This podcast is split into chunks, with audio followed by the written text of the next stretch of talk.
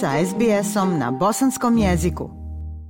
Aisha, pozdrav tebi i slušateljima SBS radija. 13. februara u Sarajevu je održana sjednica izvršno obavještajnog odbora na kojoj je donesena odluka da direktor obavještajno-sigurnosne agencije Bosne i Hercegovine Osman Mehmedagić e, Osmica bude razriješen dužnosti. Osim Mehmedagića pokrenuta je procedura za smjenu i imenovanje novog direktora i njegovog zamjenika te glavnog inspektora. Ovu sjednicu izvršno obavještajnog odbora na koje je pokrenuta smjena osmice sazvala je predsjedavajuća vijeća ministara Bosne i Hercegovine Borjana Krišto, a u odboru su osim nje Zoran Tegeltija i Zukan Helez. Ministar odbrane Bosne i Hercegovine Helez zbog zdravstvenih problema nije mogao prisustovati sjednici pa ga je mijenjao Elmedin Konaković, ministar vanjskih poslova Bosne i Hercegovine. Nakon ove sjednice Elmedin Konaković je medijima rekao da je Almir Đuvo zvanično pre predložen da bude kandidat za novog direktora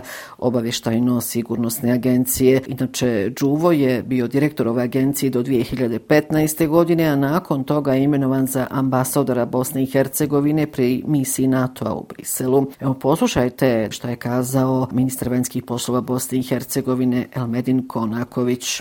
Na kraju možda prevagnulo, pored zaista te ekspertize gospodina Đuve, jeste činjenica da on može početi raditi odmah. Neka nova lica koja smo mi možda i zagovarali u jednom procesu, trebala bi neko vrijeme adaptacije, to je ozbiljan posao, to je stvarno specifičan posao. I naravno, konačnu odluku daje vijeće ministara svojim glasanjem, ali s obzirom na naše unutrašnje dogovore i na upravo završenu sjednicu odbora, dakle HDZ, SNSD i trojka sa partnerima, je saglasna da je ovo novi saziv obavištene sigurnosne agencije. Oni koji planiraju dalje obstruirati ovo a znam da planiraju, oni bi mislili možda raditi neke posebne specifične provjere i to ne moraju, zato je vrlo važno bilo da ovo ide brzo. Mislim da smo danas donijeli tu najvažniju krupnu odluku je da od danas u formalnom smislu e, gospodin Mehmedagić provešće tamo još koji dan, ali u suštinskom on više nije direktor OS. A iša, čuli ste da je Elmedin Konaković naglasio da je Mehmedagić e, smijenjen, ali da ipak konačnu odluku treba dati vijeće ministara Bosne i Hercegovine. Prijedlog za imenovanje Džuve ide na konsultacije prema predsjedništvu Bosne i Hercegovine i zajedničkoj komisiji oba e, doma parlamenta Bosne i Hercegovine koji su i zaduženi za nadzor nad radom obavještajno-sigurnosne agencije. Zabrano je rukovodstvo Doma naroda Parlamentarne skupštine Bosne i Hercegovine, ali i e, parlament Federacije Bosne i Hercegovine 16. februara je izabrao novo rukovodstvo ovog entiteta. Njega će činiti Lidija Bradara iz HDZ-a, Refik Lendo iz SDA i Igor Stojanović iz SDP-a. Novo rukovodstvo je podržalo 96 zastupnika od 97 prisutnih dakle, u parlamentu Federacije Bosne i Hercegovine. Dakle, federacija još nije dobila ni predsjednika federacije, a ni podpredsjednike. 16. i 17. februara upravo u parlamentu federacije su dva člana novo izabranog rukovodstva federacije i to Igor Stojanović i Lidija Bradara organizovali sastanak sa ciljem da se izabere predsjednik, odnosno podpredsjednici Federacije Bosne i Hercegovine. No na sastanku se ni 16. a ni 17. februara nije pojavio treći član rukovodstva entiteta Refik Lendo. Samim tim e, novi predsjednik Federacije Bosne i Hercegovine nije imenovan. Igor Stojanović e, i Lidija Bradara su održale i pres konferenciju. Na ovoj konferenciji za novinare Igor Stojanović iz SDP-a je novinarima između ostalog rekao Mi nemamo neki rok u kojem trebamo odabrati predsjednika i upravo to je ono što ne želimo dozvoliti s obzirom da je javnost upoznata da imamo tehničku vladu već više od četiri godine, mi želimo što prije preuzeti odgovornost i početi raditi.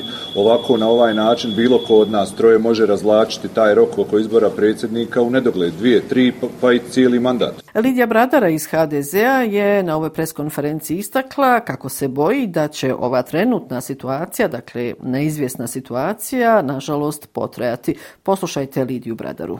Nas dvoje se želimo dogovoriti i želimo razgovarati o svemu.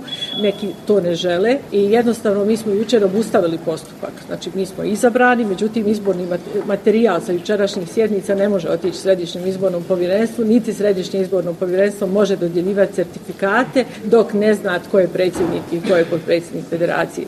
A iša, rekla sam da se Refik Lendo nije pojavio na sastanku, ali je u popodnevnim satima u Sarajevu održao zasebnu pres konferenciju. Ovom prilikom Refik Lendo je rekao da nema izbora predsjednika Federacije Bosne i Hercegovine, dok se, prema njegovim riječima, lideri SDP-a, SDA i HDZ-a ne dogovore o premijeru. Evo, poslušajte što je novinarima rekao Refik Lendo iz SDA. SDP, SDA i HDZ su dobili zadatak kod parlamenta jednog i drugog da se što prije oni dogovore, da uspostave vladu, da daju prijedlog i da ti procesi krenu. Prema tome nema nikakve blokade. Ovdje su tri političke partije. Stranka demokratske akcije je neizbježna u tom dijelu. Ja kao predstavnik Bošnjaka sam neizastovan u biranju predsjednika i podpredsjednika. I bez mene nema predsjednika i nema podpredsjednika kao što nema vlade. Prema tome ja se nadam da će tri naša predsjednika, ove tri političke partije koje zaista imaju svoje predstavnike u Domu naroda, da se dogovore i da, da nam pomognu ko će biti predsjednik, ko će biti podpredsjednik.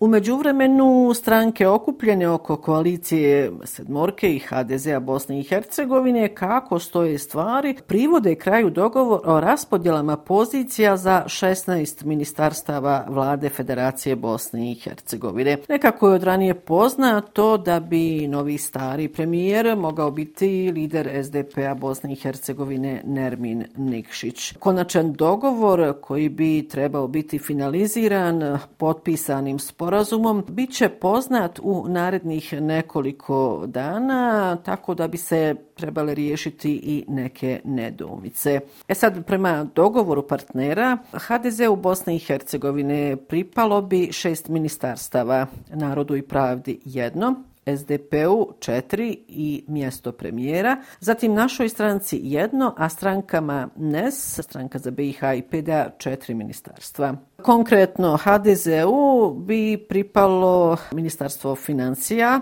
zdravstva, prostorno uređenje, pravda, kultura i sport, te promet i komunikacije. Sve ove pozicije ova stranka imala je i u ovom prethodnom mandatu. SDP-u će za sada je sigurno pripasti Ministarstvo obrazovanja te izbjeglih i raseljenih osoba, dok traju pregovori sa trojkom u vezi sa ostalnim resorima. Kako stvari stoje, SDP će insistirati i na Ministarstvu unutrašnjih poslova i to bi se ubrzo trebalo razjasniti. Naša stranka dobit će najvjerovatnije okoliš i turizam, a ranije su željeli Federalno ministarstvo unutrašnjih poslova. Stranci Narod i pravda bi trebalo pripasti Ministarstvo rada i socijalne politike, ali i o tome će se razgovarati. Stranka za BiH dobit će Ministarstvo energetike i poljoprivrede.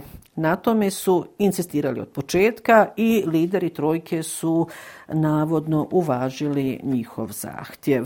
Kako rekao Haiša, 16. februara delegati u Domu naroda Parlamentarne skupštine Bosne i Hercegovine izabrali su rukovodstvo ovog zakonodavnog tijela. Njega će činiti Dragan Čović, HDZ iz reda Hrvatskog naroda, Nikola Špirić iz SNSD-a iz reda Srpskog naroda i Kemal Ademović iz Naroda i pravde iz reda bošnjačkog naroda. Tako će u rukovodstvu ostati dva stara člana i to Čović i Špirića. Jedini novi član je Ademović. Predsjedavajući je Nikola Špirića, zamjenici Ademović i Čović. Za izbor Špirića glasalo je devet delegata. Tri su bila protiv i tri su uzdržana. Ademović je kazao da su ga lideri trojke zamolili da on bude kandidat za rukovodstvo. Inače, Ademović je dobio podršku devet delegata, tri su bila protiv i tri su uzdržana a isti broj glasova dobio je i Čović. A iša Bosanci i Hercegovici, evo, već danima pokazuju da imaju veliko, ogromno srce za stanovništvo koje je pogođeno zemljotresom u u Turskoj i Siriji. 17. februara iz Sarajeva su krenula 54 šlepera humanitarne pomoći za Tursku i Siriju. Prema riječima Elvira Karalića iz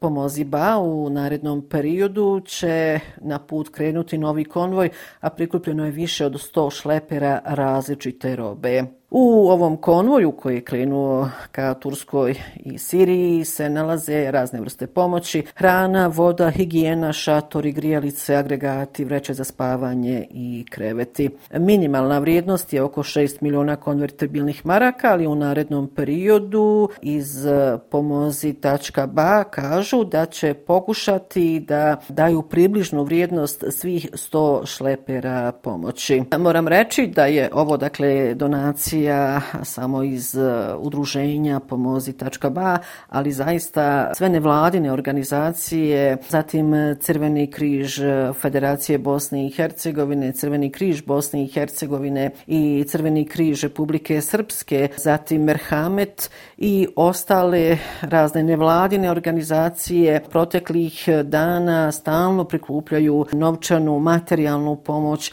nastradalim u Turskoj i Siriji.